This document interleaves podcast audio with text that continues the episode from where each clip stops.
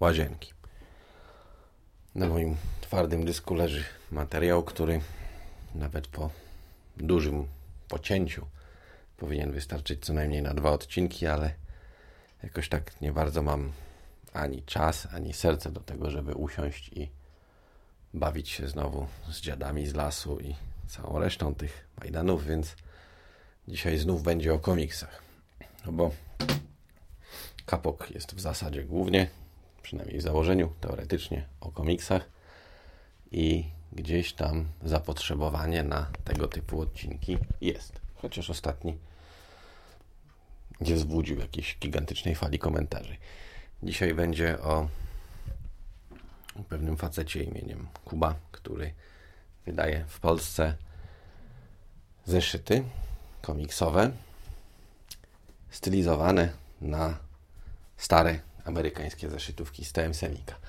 Ale nie będzie o konstrukcie, dlatego że ja mógłbym o konstrukcji bardzo dużo rzeczy powiedzieć, dlaczego seria, która miała beznadziejną promocję, nadal mi się nie podoba, ale doszło do takiego momentu, że nie wolno w Polsce mówić krytycznie o komiksie, bo oznacza to zanik kultury komiksowej, a krytykowanie, czy też powiedzmy bardziej brak e, bezkrytycznego zachwytu, to tempa nienawiść, więc odpuszczę sobie mówienie o produkcie Kuby Kijuca, tym bardziej, że leżącego się nie kopie.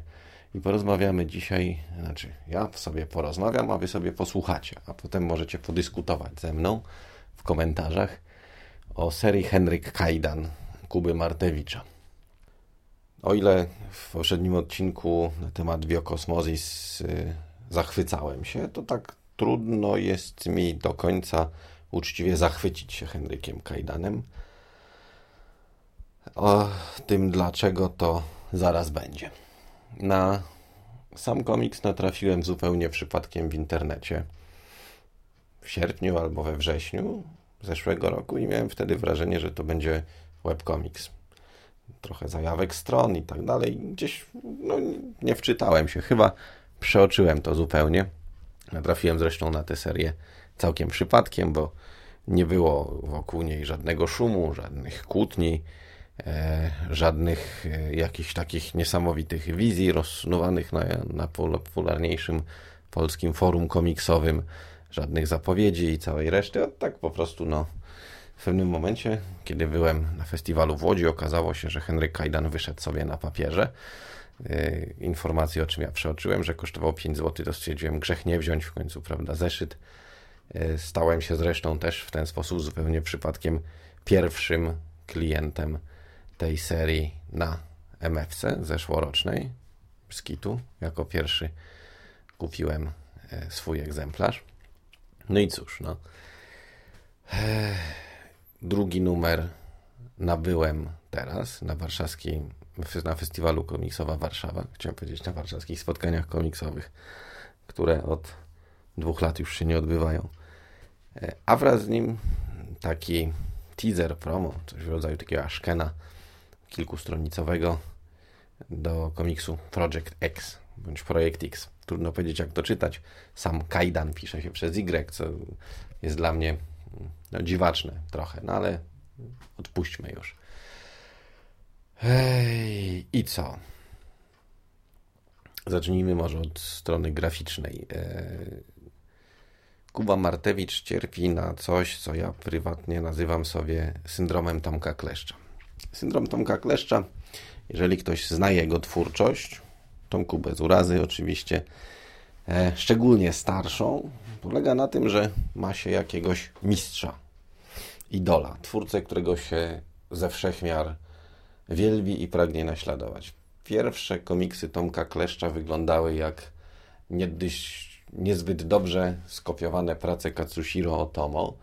E, nawet pod względem fabuły. Generalnie w nich występowały takie e, elementy jak ludzie z nienacka obdarzeni mocą, którzy wybuchali całe miasta i tego typu rzeczy, więc waliło Akirą na odległość.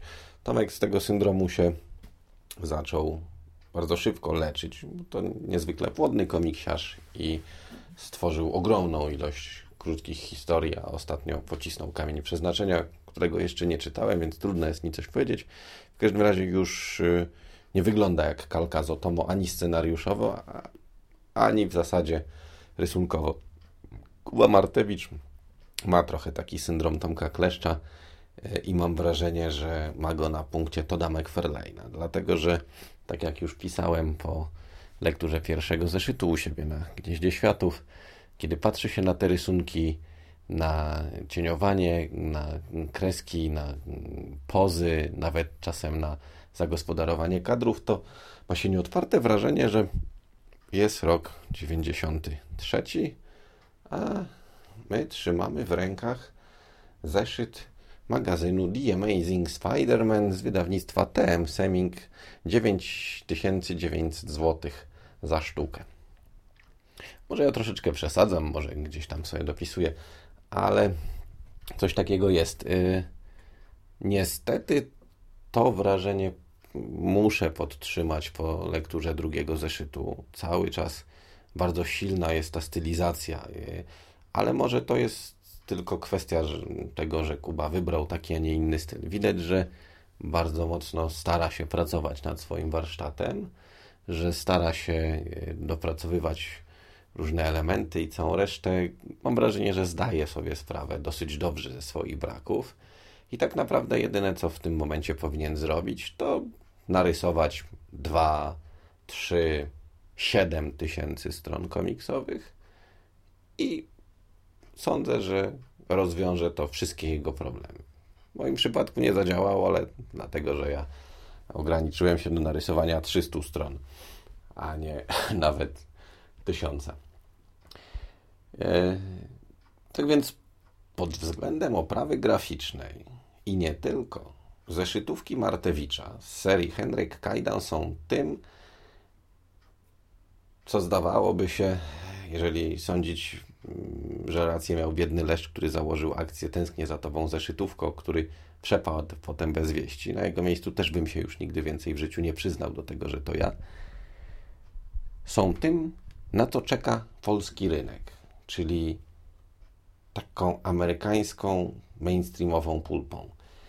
I podobnie jest pod względem scenariuszy. No, nie oszukujmy się, historia nie jest skomplikowana od policjant, który nagle zostaje uwikłany w jakieś tajne sprawy, tu jakaś organizacja, tu coś. W momencie, kiedy ten Ashkens Project X się jeszcze pojawił, no to mamy już supergrupę, która wali nam marvelowskimi mutantami cała masa, jak to mawiał inżynier Mamion, Mamoń, melodii, które już kiedyś słyszałem.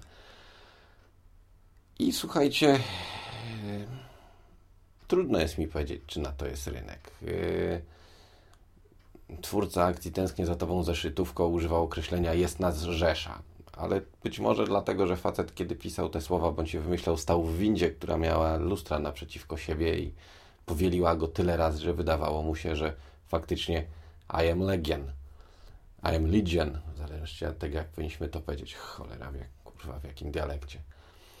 Mm, nie sądzę, żeby na przygody Henryka Kajdana było w Polsce więcej chętnych niż kilkaset osób.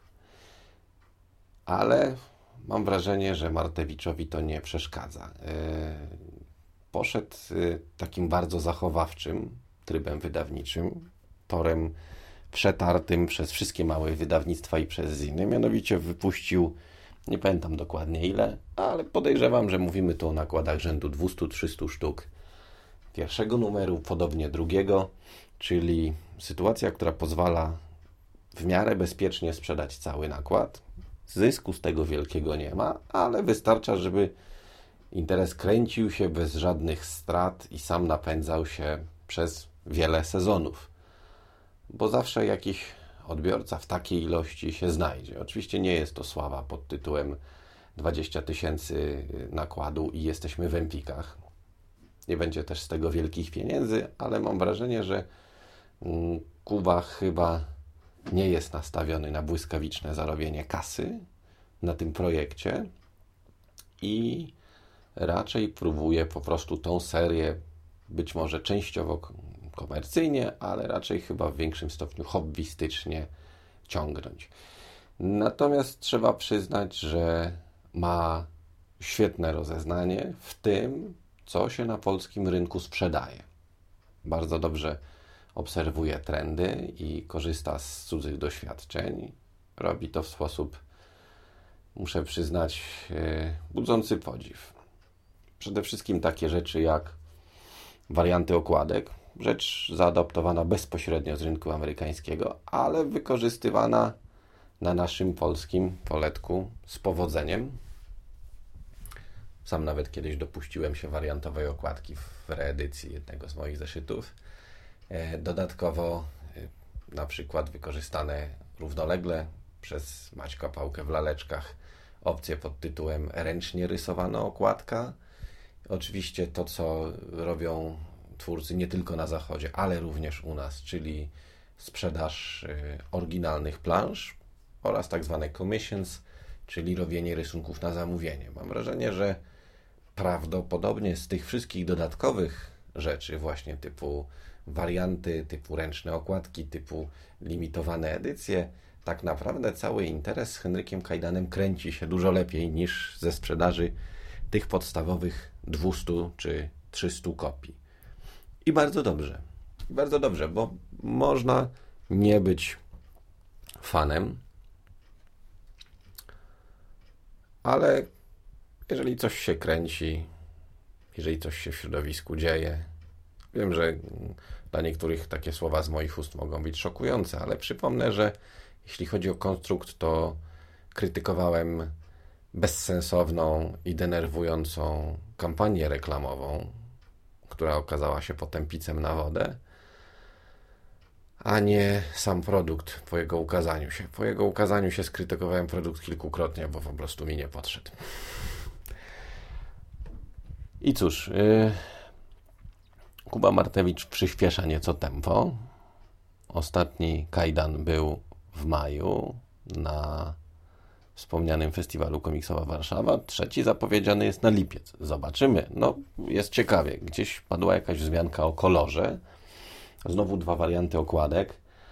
E, I mam wrażenie, że ta seria, cokolwiek by nie mówić o sztampowości fabuły, o niedociągnięciach e, strony graficznej, ona gdzieś bardziej trafia z takim stylem naśladowania TM Semik w gusta polskiego odbiorcy. Przynajmniej no, w tej grupie, w której ja się obracam, w tej grupie twórców i czytelników, fanów, z którą ja mam kontakt, mam wrażenie, że gdzieś tam budzi taką nostalgię. Że zwłaszcza biorąc pod uwagę fakt, że mówimy o komiksie za 5 zł, nie pamiętam ile kosztował najnowszy numer, ale albo tyle samo, albo jakieś grosze więcej to tak naprawdę jest to spełnione marzenie tej nieistniejącej rzeszy fanów czekających w Polsce na komiksy zeszytowe w stylu amerykańskiego mainstreamu. Tej rzeszy nie ma i mam wrażenie, że Henryk Kajdan nie stanie nigdy się oszałamiającym sukcesem, nie dobije się do nakładu w rzędu 20 tysięcy i nie będzie go w Empikach, ale mam też wrażenie, że Martewiczowi wszystko to do niczego nie jest potrzebne. Ten facet ma jakąś historię do opowiedzenia. Robi to tak, jak umie i sprzedaje ją publice tak, jak w Polsce jest to możliwe. I mnie może denerwować, bardzo denerwować e, to Y w nazwisku głównego bohatera.